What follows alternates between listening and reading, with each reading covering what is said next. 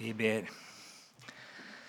Ja, himmelske Far, vi takker deg for ditt underfulle frelsesråd, som du fattet hos deg selv før verdens grunnvoll ble lagt, og som du har fullført og skal fullføre inntil du har alle dine hjemme i din evige salighet. Så ber vi, la oss få se inn i dette frelsesrådet, og la den enkelte av oss ha del i det. Så ber vi for ditt åpenbaringsfolk, det som du kalte og utvalgte, for å åpenbare og virkeliggjøre denne frelsen. Du sier det selv at 'hvem er blind som min tjener, døv som den budbæreren jeg sender'. Og det er det enda i dag. Så ber vi om det som skjer nå, at det kunne bli til åpenbaring for dette ditt folk. At de kunne se deg og ta imot deg. Gi oss lys over det. La oss få glede oss over den frelse som vi har fått åpenbart, å leve i den for vår del. Vi ber om Din Hellige Ånd og ditt lys over ordet ditt. Amen. Vi skal ta utgangspunkt i Første Mosebok 12. Denne første timen det blir eh, om Israel eh, i Guds frelsesråd fram til Jesus, kan vi si. Det blir tema. Og Da blir det at vi vandrer gjennom Det gamle testamentet og får på en måte se hva, hva som er Israels posisjon og oppgave i Guds frelsesråd. Og Da begynner vi i 1. Mosebok 12, fra vers 1, i Jesu navn. Og Herren sa til Abraham, dra bort fra ditt land og fra din slekt og fra din, din fars hus, til det landet som jeg vil vise deg. Jeg vil gjøre deg til et stort folk. Jeg vil velsigne deg og gjøre ditt navn stort, og du skal bli en velsignelse. Jeg vil velsigne dem som velsigner deg, og den som forbanner deg, vil jeg forbanne. Og i deg skal alle jordens slekter velsignes. Fram til den teksten vi leste om her, vi kan si fra skapelsen av og fram til Babels tårn, så handler Gud med hele verden som én slekt. Og så går det slik, også etter vannflommen, hvor Gud må sette strek dersom han må Det er som om hele det menneskelige legemet skal vi si det, er så infisert av synden og så ødelagt at det er som når vi må amputere, ikke sant? der det er koldbrann eller der det er kreft å fjerne, så må Gud fjerne det meste. Det er bare åtte sjeler som blir spart i vannflommen. Ellers holdt hele verden på å gå under i synd og ugudelighet. Men så går det ikke lenge etter vannflommen, så går det på samme vis. Menneskene i sitt eh, hovmot og tro på det at det bare vi står sammen, bare vi er ett, så skal ingenting være umulig for oss. Det var i ferd på ny å føre menneske, menneskeslekten inn i et totalt frafall fra Gud uten behov for frelse og forløsning. Da forvirrer Gud menneskene, og så gjør han menneskene til mange folk med ulike språk. Om dette sier apostelen Paulus i Apostlenes gjerninger kapittel 17 og vers 26. Da han taler til grekerne der på Aropagos, så sier han Han lot alle folkeslag av ett blod bo over hele jorderiket. Og han satte faste tider for dem og bestemte grensene mellom deres bosteder. Dette gjorde han for at de skulle søke Gud, om de kanskje kunne føle ham og finne ham, enda han ikke er langt borte fra en eneste en av oss. Etter Babels tårn så ble altså menneskeslekten delt i mange folk og de fikk med tiden sine egne grenser. Og det er en gudvillet ordning. Jeg å understreke det. Det er en gudvillet ordning. Vi skal ikke søke å endre den gjennom å bygge imperier og unioner. Det søker derimot ånden ifra Babel. Den har som sin hovedtanke Det er en på en måte i slekten. Fra Babel så er det en idé og tanke om det bare vi står sammen, bare vi får samlet alle under én, så skal ingenting være umulig for oss. Og vi hører det stadig. Om vi bare kunne bli flere, om vi bare kunne stå sammen, så skal vi løse alle verdens problemer. Om det er klima, om det er krig, om det er miljø, om det er fattigdom. Bare vi står sammen. Vi leser Daniels bok, så møter jo disse verdenshistoriens store imperier, som begynner der med Asyria, eller Egypt, og så Asyria og Babylon og Perserriket og det gresk-makedonske riket og Romerriket. Og så venter vi på det syvende riket, som vi leser om i åpenbaringsboken, dyret. Det store antikristelige verdensriket. Det er ånden ifra Babel, som vil samle alle folk til ett igjen. Hva ville de i Babel? De ville gjøre seg et stort navn. Det er mennesket som vil opphøye seg selv uten Gud. Og så, fordelte, så spredte Gud menneskene utover, så de skulle bli små og hjelpeløse, så de skulle få bruk for Han. Bare veldig kort. Det blir jo sånne avstikkere fra manus, men vi har jo det store motsetningen til Babels forvirring. Det er jo pinsedag. Hvor det er folk fra alle folkeslagene i himmelen, med alle ulike språk. Og, det, og så blir det også forvirring ikke fordi ingen forstår hverandre og blir bare babbel, men fordi alle forstår. For de hører om Guds store gjerninger. Ikke om sine store og menneskets storhet og menneskets navn, men om Guds store gjerninger hører de på sitt eget språk, det som de var født i. Nå er Gud begynt å samle alle folk til ett under ett navn. Jesu navn. Det er Guds rike i denne verden. Og Det er også det Daniel fikk si, at det var dette riket som skulle knuse verdensrikene. Ånden ifra Babel. Det får vi la være, la ligge. Men så skjer det da noe etter Babels forvirring. Så velger Gud seg ut ett folk. I første omgang én mann. Det minste av alle folk. Og så vil Gud fortsatt at alle skal bli frelst. Det er hans mål, har alltid vært hans mål. Jeg har lyst til å si det, Bare ta det som en liten parentes også først. Så kallet til Abraham det er jo personlig. Gud vil at Abraham skal bli frelst. Og Abraham blir kalt til å tro Gud. Han er jo vokst opp i hedens, hedenskap. Kan lese Josfa 24 om Abrahams slekt som bodde på den andre siden av elven, altså Eufrat, og tjente fremmede guder. Midt ut av hedenskapet så kaller Gud Abraham, åpenbarer seg for han. Og Abraham blir også på den måten opphav til et nytt folk. Troens folk. Det har vært troende før Abraham. Adam, Enok, Noah Jeg vil kunne nevne flere fra denne første tid troende Abel. Og Likevel så regnes Abraham i Skriften som de troendes far. Og til dette folk blir hver og en som vandrer i fotsporene av Abrahams tro, borger.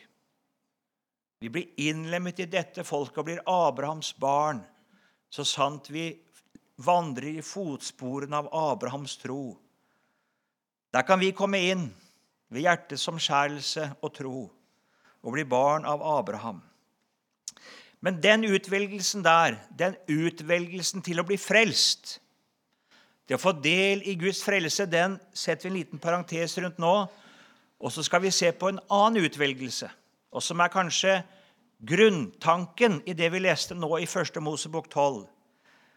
Det er en utvelgelse som er ganske eksklusiv. Der velger Gud Abraham og ikke andre folk. Jeg vet ikke om du har tenkt på det. Det står ikke mye om Norge i denne boka. her. Eller Sverige eller Finland eller Filippinene, sier jeg til elevene våre. Eller Kina. Det står ikke noe om det. Hvorfor det?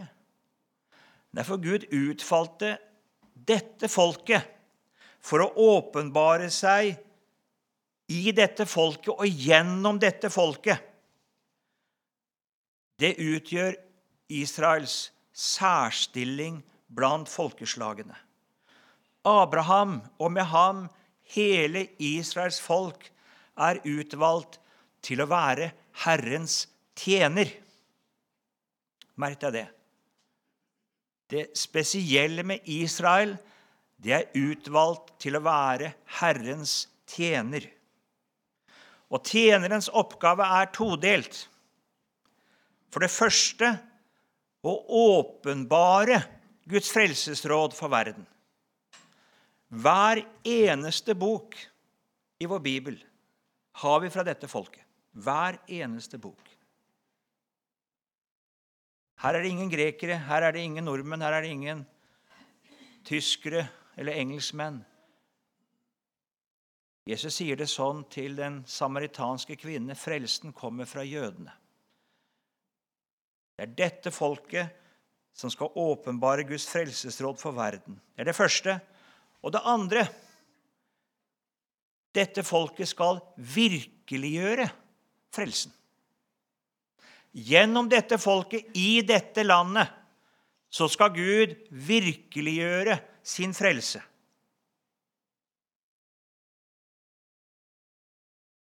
Og den frelse som skal virkeliggjøres, den er ikke bare for dette folket. Det leste vi her. Til velsignelse for alle jordens slekter.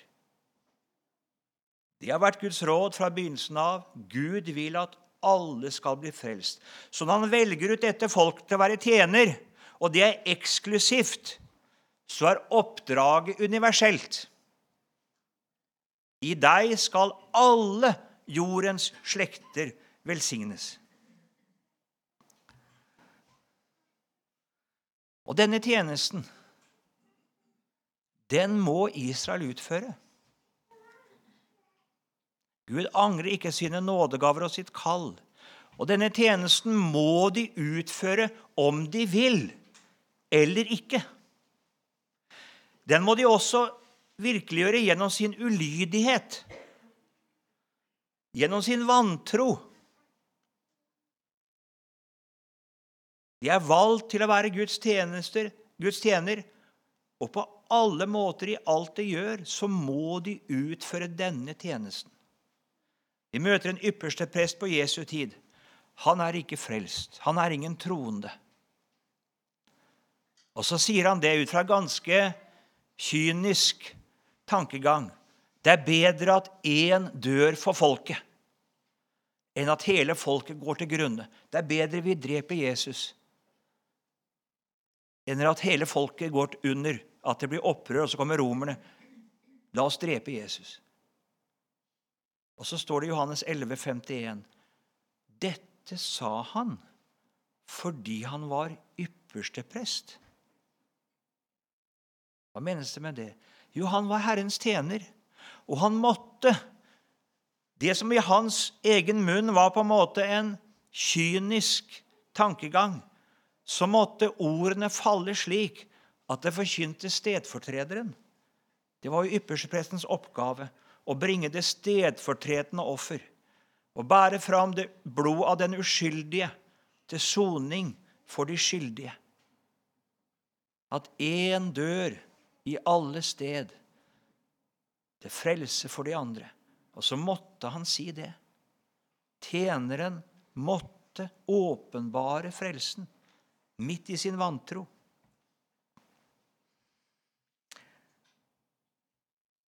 Israel har aldri vært og er ikke frelst i kraft av utvelgelsen til å være tjener. Det må understrekes. Ingen i Bibelen blir frelst ved sin gjerning, ved sin tjenergjerning. Om tjenergjerningen er aldri så stor og aldri så herlig Maria, Herrens tjenerinne, hun blir ikke frelst ved å være mor. Nei, hun må bli frelst sånn som deg og meg, ved tro på Sønnen. Og sånn også med Israel. Blir ikke frelst i kraft av å være israelitter, være Abrahams barn, kjødelige barn. Det er noen som tenker det. At nærmest Israel er på en måte Gud har det som en spesialfrelse for dem uten Jesus og uten tro på Han, fordi de er hans utvalgte folk. Nei. Nei. Det kan du se i hele Skriften. Det er ikke slik. De blir frelst ved tro på Han de skulle åpenbare. De blir frelst ved tro på Jesus.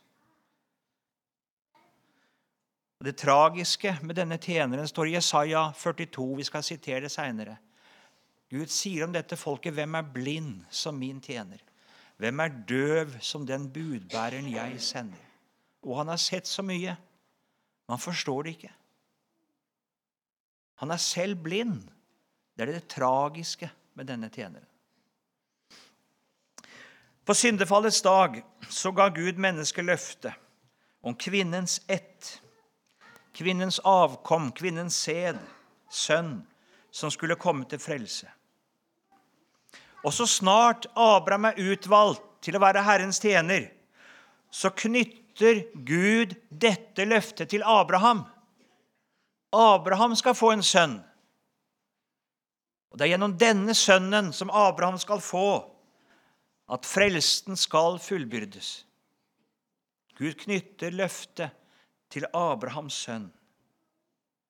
Og så er Abraham og Israel gjennom hele Det gamle testamentet Hun er som en mor som bærer et barn. Nå kan du lese Åpenbaringen 12 når du kommer for deg sjøl. Og så vil du lese om dragen der, som er ute etter kvinnen, som er i barnsnød og fødselsveer. Det er det gammeltestamentlige Israel. Det er Abraham og Abrahams ett i, i Gamle testamentet. Og som er i barnsnød og fødselsveer. I forventningen om barnet som skal bli født og bli til frelse. Og dragen står der for å sluke det. Jeg skrev en liten artikkel i dagen i løpet av uka som var. Og her er antisemittismens grunn. Det er dypest sett den onde som står der for å drepe guttebarnet så snart det blir født. Det er bakgrunnen for farao i Egypt. Det er bakgrunnen for Haman i Persia, som vil drepe alle jøder. Eller for Herodes, som skal drepe alle guttebarn i Betlehem. Det er for å forpurre Guds frelsesråd i Sønnen. Det er alltid slik den som leser Gammeltestamentet, første Mosbok spesielt, han vil legge merke til det. Der har vi ti historier. Toledot heter det på hebraisk. Det er underlig. Den historien vi leste nå om Abraham, første Mosebok 12, vet du hva den historien heter? Dette er historien om Tara og hans ett. Tara. Ja, men det er sønnen vi følger. Og så leser vi historien om Abrahams ett. Den handler om Isak. Så leser vi historien om Isaks ett. Den handler om Jakob. Og så leser vi historien om Jakobs ett. Den handler om Josef og om Juda. Det er hele, hele veien sønnen. For I hele Gamle testamentet er forventningen det er han som skal bli født. Det er sønnen. Er det han? Er det han som er den lovede. Som sagt, Abraham han blir kalt til å være Herrens tjener. Og i hans ett så skal alle jordens slekter velsignes. Ikke lenge etter at Gud har kalt Abraham, så inngår han en pakt. En pakt er en rettslig avtale mellom to parter.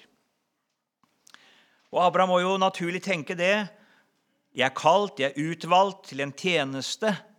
Og nå kommer på en måte tjeneroppdraget. Nå kommer selve pakten. Nå kommer på en måte rettsslutningen og det jeg skal utføre. Og han forordra Gud om å ta dyrekropper og dele de to. Og så var det vanlig da at de to som inngikk pakt, de gikk sammen mellom disse dyrekroppene. Og så sa man det. Det går meg som disse dyrekroppene, som disse dyrene, om jeg ikke holder min del av pakten. Han innesto med sitt liv for pakten.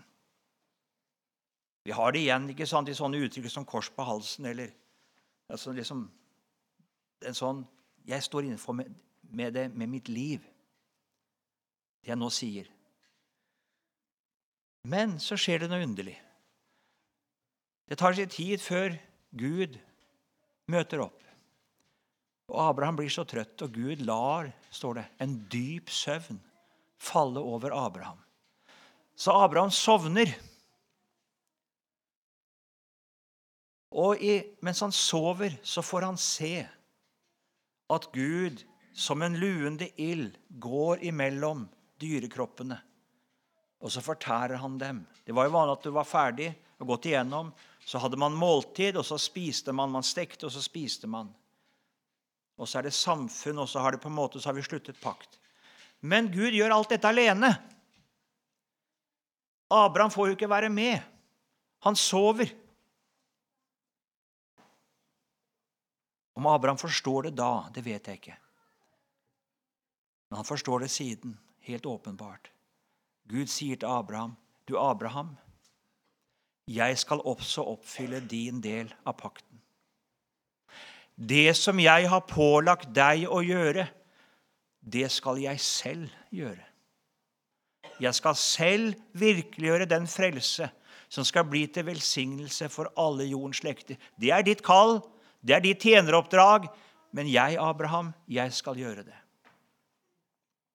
Så noe tid seinere Abraham har fått sin sønn, som det er knyttet så sterke løfter til, og som han gleder seg over. Tenk han har venta på han i 25 år etter at Gud kalte han. Og så får han denne sønnen, og så sier Gud en natt, ta din sønn, din eneste, han som du har så kjær, og ofre ham på et av fjellene som jeg skal vise deg. Abraham må i disse 25 år ha gått og tenkt hva er det jeg skal gjøre? Hvordan skal jeg kunne ta bort forbannelsen som hviler over slekten etter slektens fall og opprør? Hvordan skal jeg kunne bringe velsignelse, ikke bare til meg, ikke bare til mine, men til alle jordens slekter? Det kan ikke være en liten ting han skal gjøre. Det må være noe som har en enorm rekkevidde, og må være av en veldig art. Og at han har gått og tenkt på det og undret seg over det. Og så denne pakten som Gud inngår med han, høytidelig og rettslig. Og så denne natten. Jeg er overbevist om at Abraham tenker nå. Det var derfor jeg fikk denne sønnen på så underfullt vis. Det var dette jeg fikk han til. Jeg skulle bringe han som sonoffer for verdens synd. Det er det jeg er kalt til. Og så går han. For å bringe det offer som skal føre velsignelse over alle jordens slekter. Nå blir jo Isak spart, for Gud hadde tatt på seg å bringe dette offeret. Det var Guds egen sønn. Men Abraham skulle få kjenne på det det går 2000 år, og så lyder det. Da Jesus har gått ned i Jordan, så lyder det fra himmelen. Dette er min sønn, den eneste, i hvem jeg har velbehag. Hører du ekkoet? Ta din sønn, din eneste, han som du har så kjær. Da skulle Abraham ta han med seg, føre han opp på Moriaberget. 2000 år seinere sier Faderen i himmelen, 'Dette er min sønn, den elskede' i hvem jeg har velbehag. Nå la han all verdens synd på sin egen sønn for å føre han opp på Moriaberget. og ofre ham til, som brennoffer for å bære verdens forbannelse og bringe velsignelse til alle jordens slekter. Han var en Abrahams sønn. Han var en Abrahams sønn, men han var også Guds egen sønn. Der ser du Der ser du Guds frelsesråd, hvorfor han utvalgte Abraham for å virkeliggjøre sin frelse gjennom dette folket, gjennom Abrahams ett. Og vi har, Hele Gammeltestamentet er fullt altså, av forbilder på dette.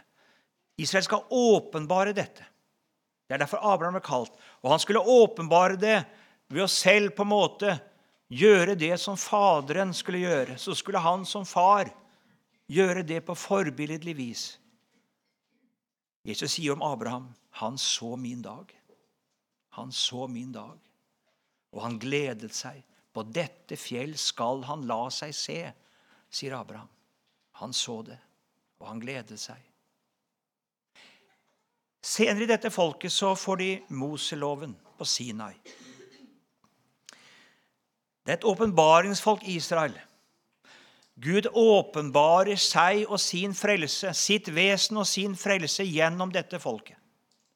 Derfor åpenbarer Gud også syndens veldige alvor i Israel og på Israel. Han åpenbarer det at den som ikke gjør alt det som er skrevet i lovens bok, han er forbannet. Og så rammer i Gammeltestamentet så rammer forbannelsen Israel. Stadig. At der hvor det er synd, så slår Gud ned. Over Koras barn. Over, over eh, eh, Nå datt navnet ut. Eh,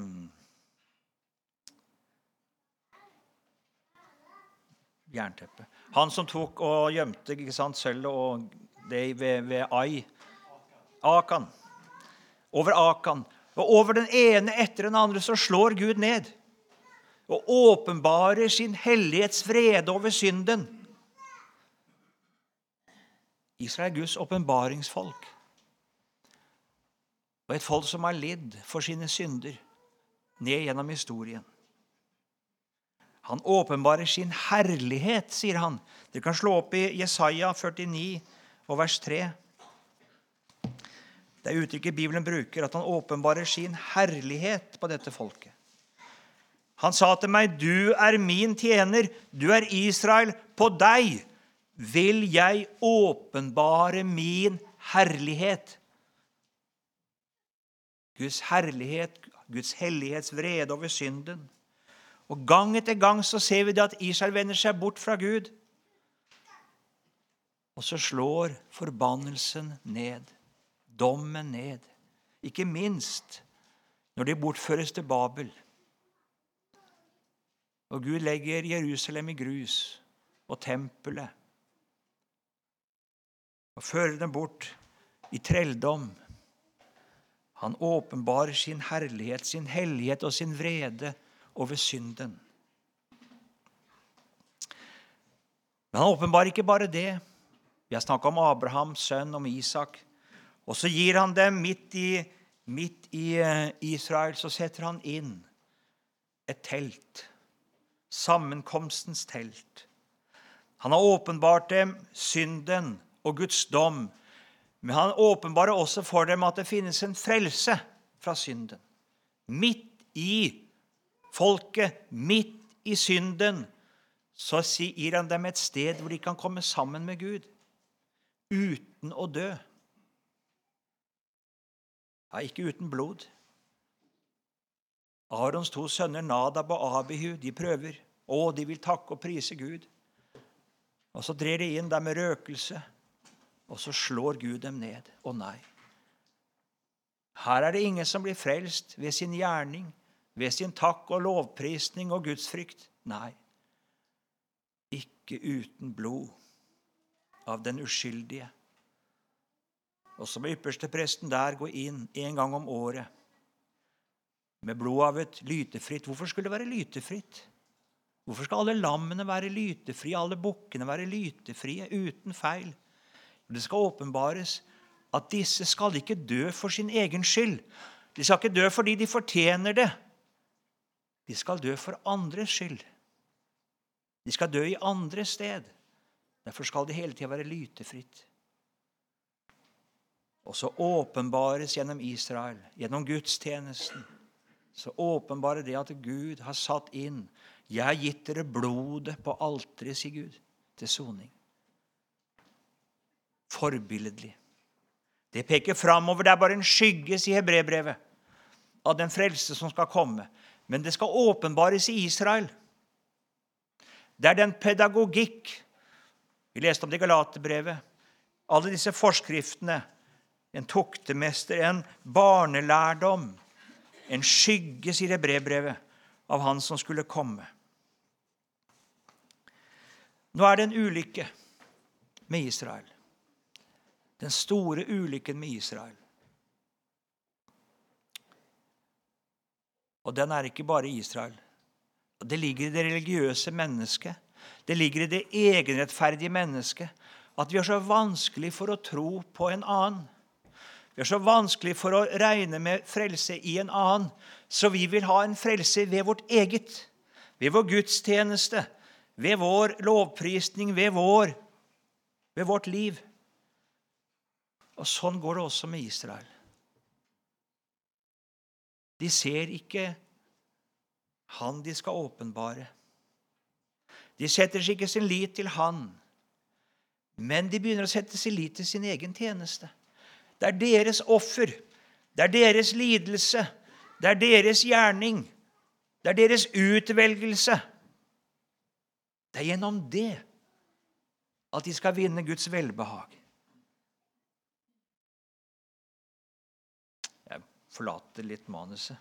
Eh, men ja. Jeg kan bare hoppe ned et avsnitt, tror jeg. Så Men denne tjeneren, altså, den er eh, som sagt, det er altså en blind, en døv tjener. Vi kan slå det opp og lese det ordentlig. Jesaja 42, vers 18. Dere døve, hør, og dere blinde, lukk øynene opp og se. Hvem er blind uten min tjener, og døv som den budbæreren jeg sender? Hvem er blind som min fortrolige venn, blind som Herrens tjener? Du har sett mye, men du tar ikke vare på det. Han har åpne ører, men han hører ikke. Du må litt lenger opp. Jeg er en ulydig sønn og en troløs tjener, hvis du skal finne det. Så litt lenger opp. Ja, kan være der. Kan være der. Israel også tenker det. Vi kan, vi skal. Og Gud skal se i nåde til oss fordi vi tjener. Men Israel er ikke i stand til.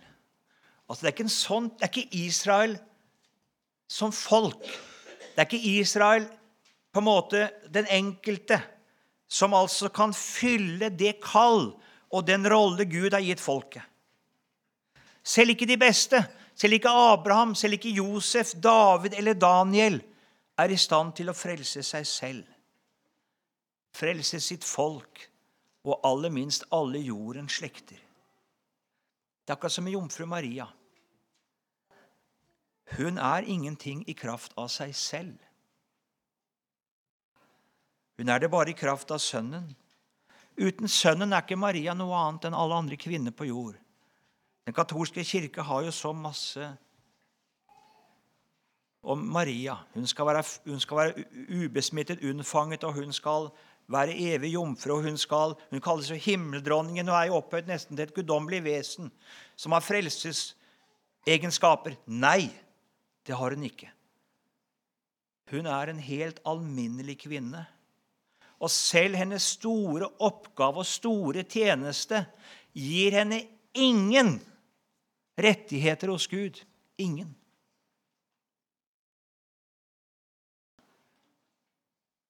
Hun skal prise salig på grunn av sin sønn. Og hun må bli frelst i kraft av sin sønn. Også deg skal et sverd gjennomstinge, blir sagt til Maria. Jesus sier til henne da hun vil som mor i Kana, i bryllupet, ha på en måte Jesus til å gjøre noe. Hva har jeg med deg å gjøre, kvinne? Hun har ingen rett som mor. Det kommer noen til sier at se utenfor står din mor og dine brødre. De som sitter her, sier Jesus, som tror på meg, det er min mor og mine brødre. De kjødelige bånd til Maria de må kuttes av, og du kan tro det smertet i morshjertet. Men hvorfor det? Jo, fordi mor, Maria, måtte forholde seg til Jesus som enhver annen. Og lære å tro på han og hans gjerning og det han gjorde, slik som du og jeg må det. Og Sånn er det også med Israel. I seg selv er Israel intet overfor Gud. Uten Sønnen så er Israel ikke noe annet enn alle andre folk på jord. På apostelmøtet i Jerusalem så kom det noen og sa ikke sant, hedningene hadde begynt å komme til tro, Kornelius og andre. De må omskjæres. De må holde Moselov. De må bli som oss. Nei, sier Peter. Alt dette her har aldri kunnet bli til frelse for oss. Alt det vi har gjort. Hele vår tjeneste. Vi er selv ikke i stand til å bære dette åket. Nei, vi må bli frelst på samme måte som dem. Vi jøder, vi må bli frelst ved tro på Jesus Kristus, akkurat som hedningene. Men det er altså Israels ulike og store synd. De har ment seg å være noe i kraft av å være Abrahams sønner. Og Jesus må irettsette jødene for dette hovmotet.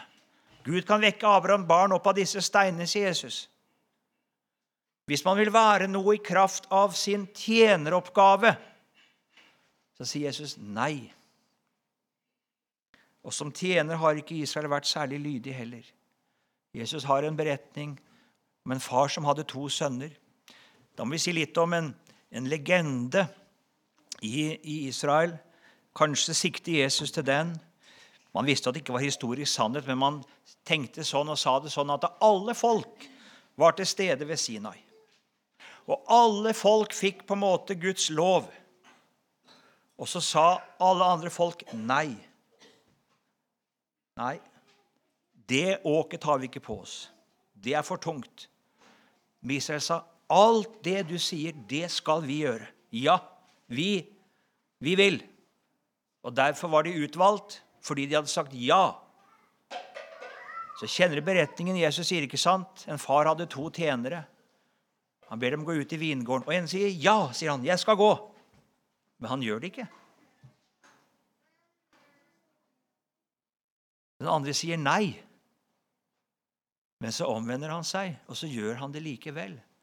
Og så spør Jesus, 'Hvem er det som gjorde sin fars vilje?' Han taler om dem. For det lærte fariseerne at Gud tok på en måte den gode vilje i gjerningens sted. Så må du jo si det at det var han som til slutt gjorde det, som gjorde farens vilje. Ja, sier Jesus. Toller og skjøger går før dere inn i Guds rike. Dere er ingenting i kraft av tjenerutvelgelsen. I kraft av at dere har sagt ja til å være tjenere. Her blir enhver frelst ved omvendelse og tro uforskyldt. Da er det slik at I det gamle pakt er det sånn at eh, enkelte representanter av Israel, sånn som Abraham, Josef og David, de ligner jo på Jesus. Og ja, Abraham som ofrer Isak, ikke sant? hvor han bærer bilde av Faderen som gir sin sønn. Josef som lider uskyldig og blir til frelse for brødrene. Og som opplever at alle kne skal bøye seg for ham, dersom du leser Filippbrevet 2. ikke sant? At alle kne skal bøye seg og rope eller bekjenne til Gud Faders ære at Jesus er Herre. Alle kne i Egypt bøyde seg. Han fikk kongens faraos signetring. Han fikk all makt i riket. Sånn som Jesus kan si meg et all makt. Og Josef er et veldig forbilde på Jesus. Det er han. Han lider uskyldig. En, en, en, en Jonah. Og vi har altså en Daniel og en David. frelserkongen David. Det er forbilder, men bare som en skygge. Også de bare som et forbilde. Og så er det en dobbelthet i Det gamle testamentet. Når det taler om Guds sønn og Herrens tjener Ja, Israel er Herrens tjener. Fra Egypten kalte jeg min sønn. Så også se. Det var Israel som ble kalt ut fra Egypt. Men det vitner framover om en annen sønn. Og så blir det tydeligere og tydeligere, særlig Jesaja, at det, det er som om det ut av dette folket så er det én som stiger fram. Folket som sådan er ikke i stand til å fylle rollen som Herrens tjener, men én av dette folket. Én. Jeg har nedlagt hjelp hos en helt. Salme 89. Jeg har funnet David. Da er David død for lenge siden. Ja, men det kommer en. Jeg har funnet han. En jomfru skal bli med barn og føde en sønn. Jeg skal gi ham navnet Immanuel. Og så stiger det fram av dette folket én. En som skal fullbyrde Israels kall. En som skal fullbyrde tjeneroppgaven på fullkomment vis.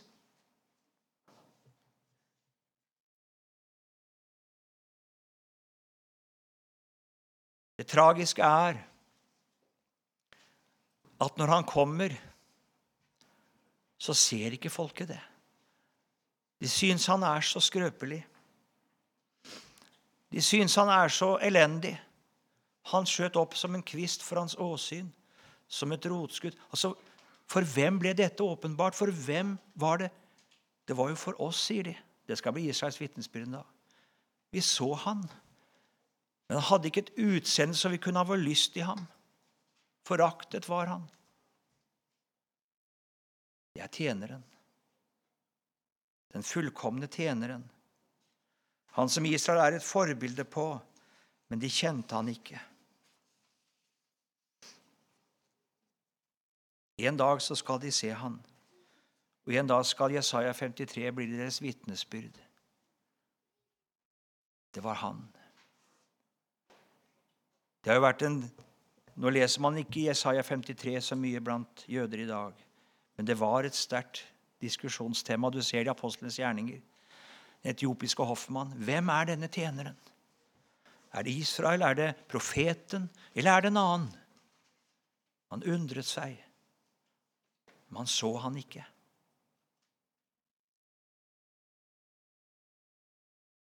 Israel er Guds sønn og Herrens tjener, ikke i kraft av seg selv, bare i kraft av Messias den sønnen som folket bærer i sitt mors liv. Det er Messias som er sønnen. Det er han som er tjeneren. Så når Israel kalles dette, og Gud handler med Israel og omtaler Israel som sin sønn og sin tjener, så er det fordi Gud ser i dette folket, og at gjennom dette folket så skal tjenesten fullbyrdes. Når hans egen sønn blir født av en kvinne, født inn i dette folket og skal virkeliggjøre fullkomment det som Israel bare på forbilledlig vis kunne utrette. Da ser Gud i sin sønn ypperste presten. Han ser lammet. Han ser blodet. Han ser kongen som skal bli til frelse. Han ser det i sin egen sønn. Israel er forbildet, men oppfyllelsen er i Guds egen sønn. Og så er Israels tjenerkall som helhet det er profetisk. Vi må understreke det. Israel som tjener kan ikke utrette tjeneroppdraget. Ja, det tjeneroppdrag å åpenbare frelsen, det får de utrette. Men ikke å virkeliggjøre den. Det kunne bare Guds egen sønn. Men de må åpenbare den. Jeg skal ta én side. Den peker litt framover mot det vi skal i neste time.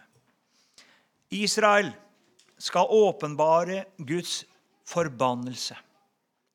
Guds dom over synden og Guds frelse fra synden. Israel må lide for sine egne synder. De må bære dommen over sine egne synder. Og når de gjør det, så er det profetisk. Det sikter fram også mot Messias sin lidelse og dom. Alle i Israel Derfor når du leser om David, og du leser om Davids lidelse, eller Josef om Josefs lidelse Jeg sa det. Og er du ser Jesus, er det ikke det? Leser om Josef. Eller David. Les Salme 22 om Davids lidelse. Jesus ber Salme 22 på korset. Davids lidelse er profetisk. Det sikter mot en oppfyllelse. David som må bli forkastet av sitt eget folk, og å rømme ut av Jerusalem for Absalom, som lider uskyldig. Og Så kan du lese Salme 22, en salme av David, og så sikter det mot mer enn David. Min Gud, min Gud, hvorfor har forlatt meg? Og så er det om Messias sin lidelse. Der kommer oppfyllelsen. Men sånn er det også når Israel lider i Babylon under sin synd. De må jo sone for sine synder. De har latt være å ved sin, ved sin eh, på en måte eh, Skal vi kalle det smarte måte, tenkte de kanskje, på å løse seg unna sabbatsårene og jubelårene. Landet har ikke fått hvile som det skulle få. Så skal Gud gi landet hvile, sier han. Og Israel skal lide. De skal få dobbelt igjen for sin synd. 70 år skal de være i Babel, under Guds dom. Så kjenner vi ikke sant Jesaja, som taler om det. Når de kommer tilbake, så har de av Herrens hånd fått dobbelt for alle sine synder. Nå er det tid for å trøste folket. Vi leser disse versene, og jeg er ikke i tvil vi leser om Jesus. gjør vi ikke det? Ja, For det er profetisk, med sikte på at Jesus var den som bar våre synder. Israel er bare forbilde på det. Israel bare er på en måte en syndebukk som må bære straffen for sine egne synder. Det flotteste stedet Jeg har forlatt manus for lenge siden, beklager. Så, eh, Zakaria 3. Jeg er så glad i Zakaria 3.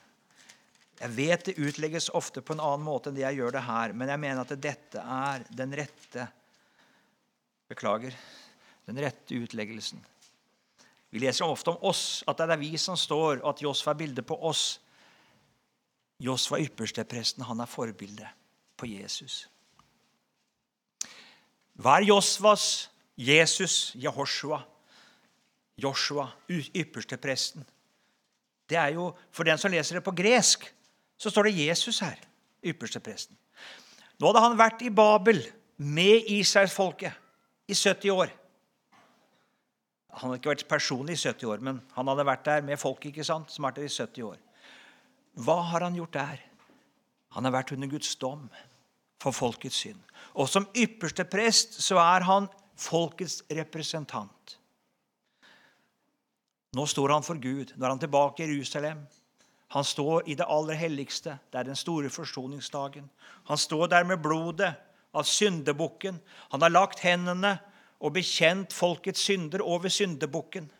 Overført hele folkets synd på denne bukken. Slaktet den. Ja, sendte jo den ene bukken ut. Gjørken, den skal dø. De to bukkene er bilder på én. Han tar blodet av den andre bukken. Det er et vitnesbyrd at døden har skjedd, straffen er utstått, synden er sonet. Og så tar han blodet med seg inn for Guds ansikt. Vitnesbyrd om soning. Åssen er det med folket? Det er et syndig folk. Det er fortsatt et syndig folk. Det er fortsatt et urent folk. Og der står han framfor Gud og så står Satan der og sier det at han har skitne klær. Du kan skjønne at ypperstepresten hadde rene klær. Men åndelig sett så var folket fortsatt urent. De hadde vært 70 år i Babel. Synden var ikke isonet. sonet. Folket var fortsatt urent. Han hadde slakta en bukk, bekjent syndene overfor den, men det var fortsatt urent. Men så sier Gud, ta av han de skitne klærne. Og han kler han i høytidsklær. En lue på hodet, står det 'Helliget Herren'. Vi skjønner at han står der i de samme klær. Det var ingen til å skifte på han der, men det er åndelig sett. Gud kler han. Det som ikke kunne gjøres gjennom 70 år, det som ikke kunne gjøres gjennom denne tjenesten han gjør Gud gjør det likevel. Og så kommer nå hovedsaken i Zakaria 3. Det kommer i vers 8. Hør nå, Josva, du ypperste prest, du og dine venner som sitter her foran deg, dere er varselsmenn, forbilder. For se, jeg lar min tjener spire komme. På hebraisk er ordet spire det er tsemach. For den som, det er ordspill. Det er bytta, bytta om S- og M-lyden. Så snur vi på S- og M-lyden, så blir det Messiah. Tsemach, messiach. Jeg lar min tjener spire, han som skal spire opp som et rotskudd. Jeg skal la min tjener Messias. Det er det alle forstår, det som leser hebraisk. Jeg lar Messias komme. Og hva sier han i neste vers? Siste setning der. Og jeg tar dette landets misgjerning bort på én dag. 70 år i Babel. Gudstjeneste hvert eneste år med soning og blod kunne ikke ta bort synden. Blod av bukker og kalver kan ikke ta bort synden. Men dere er varselsmenn. Dere er forbilder, Josva. For se, jeg lar min tjener Ser du det? Den fullkomne tjeneren, han kommer. Og han skal gjøre det som dere ikke har kunnet gjort med all deres tjeneste. Det skal han gjøre på én dag. Det de ikke har kunnet gjort på 70 år.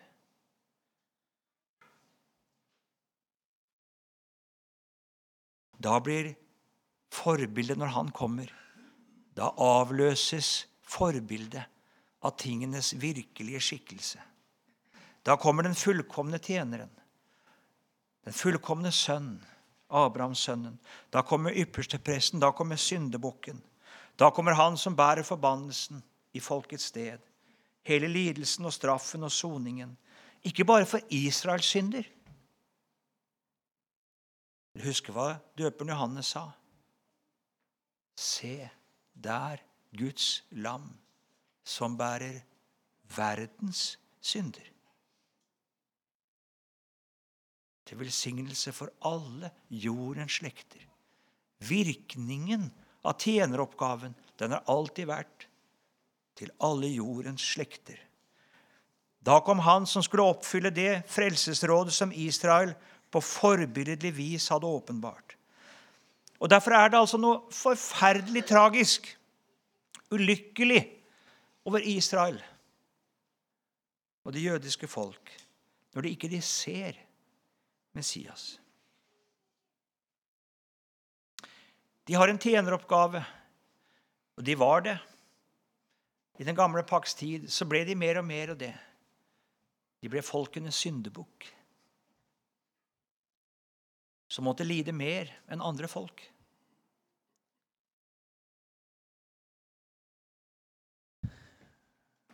Hvis du leser Jeg vet ikke om det står nå lenger, men for mange år siden så ble det utgitt. Det utgis fortsatt.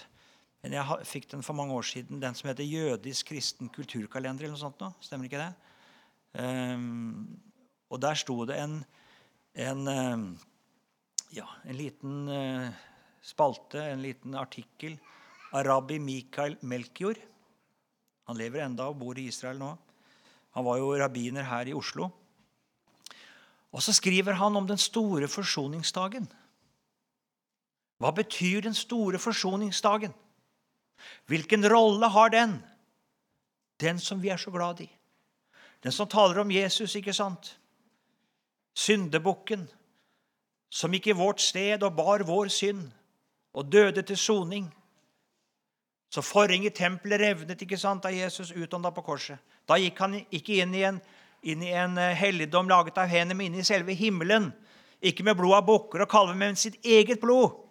Og vant en evig forløsning. Sånn leser vi. Hva skriver Milkjord? Jo, det er en dag til bot. Det er en dag til å bekjenne synd. Det er en dag til å angre sine synder og tre fram for Gud.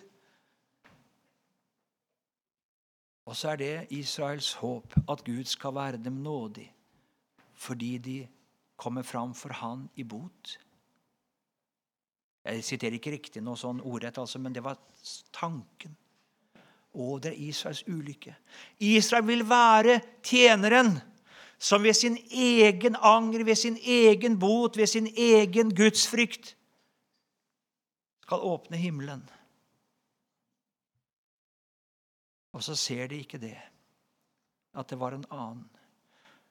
At deres tjeneste er bare forberedt. Den kan ikke ta bort synden. Men det kom én som bekjente vår synd som sin da han lot seg døpe i Jordan. En som gikk den tunge veien og vant en evig forløsning i alle sted. I Israels sted og i vårt sted. Der, sier apostelen Paulus, det er og blir et dekke over øynene deres når Moses blir lest. De ser det ikke. Men, sier han, når de omvender seg til Herren, altså til Jesus, da blir dekket tatt bort. Det hadde han selv opplevd. Han hadde vært så blind. Og så fikk han møte Jesus, og så falt det skjell av øynene hans. Han ble først fysisk blind, men han fikk se Jesus. Og så ble han en lydig tjener. Skal komme litt mer inn på det. Det Israel gjør Hun er som en mor, som vi sa som bærer et barn. Og så roser mor seg av sin egen gjerning, og ikke av barnet. Det ligger i all religiøsitet. Derfor er det ikke underlig at den katolske kirke den forholder seg til Maria mer enn til Jesus. Forholder seg til mor og ikke til barnet. Det er egentlig bare en variant av det Israel gjør, av det jødene gjør. Enda all profeti og alle løfter om velsignelse er knytta til Sønnen. Så roser man seg av mor, enten av sin egen tjeneste eller av Maria. Det er det apostelen Paulus dette her holder så sterkt fram i Rombrevet 10.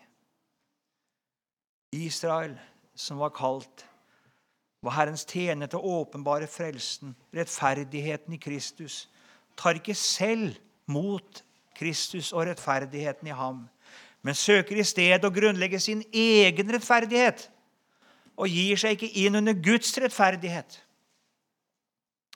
Og slik blir tjeneren en trell som søkte rettferdighet, men ikke nådde fram til rettferdigheten.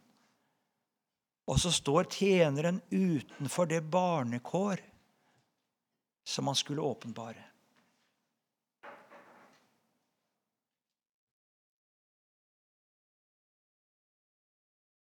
Det jeg sier nå Jeg kommer kanskje litt inn på det i neste time også, men, men, jeg vil bare si det nå. Jeg har tid til det. Eh, Jesus er syndebukken. Han er all verdens syndebukk. Han er all verdens syndebærer. Det var hans kall. Det var det han kom til verden for. Å bekjenne dine og mine synder som sine og dø med dem.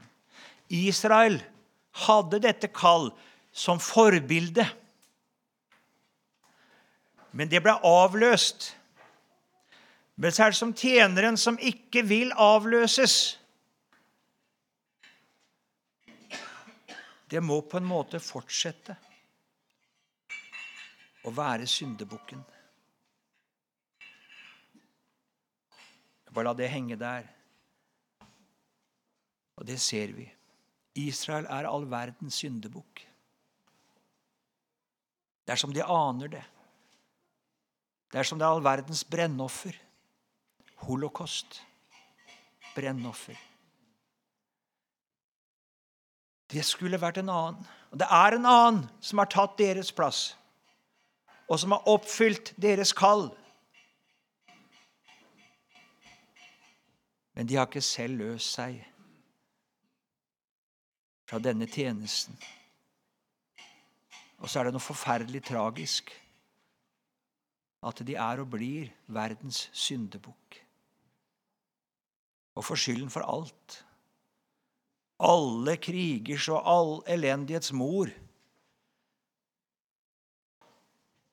Det blir jo krigen i uroen i Israel kalt. Liksom bare vi får løst det, så kommer de tilbake på neste time. Den tanken, den skal bli sterkere. Og så skal Israel se opp til han. Og så skal de løses. Det skal også skje. Det skal vi se litt på neste time. Vi gir oss der.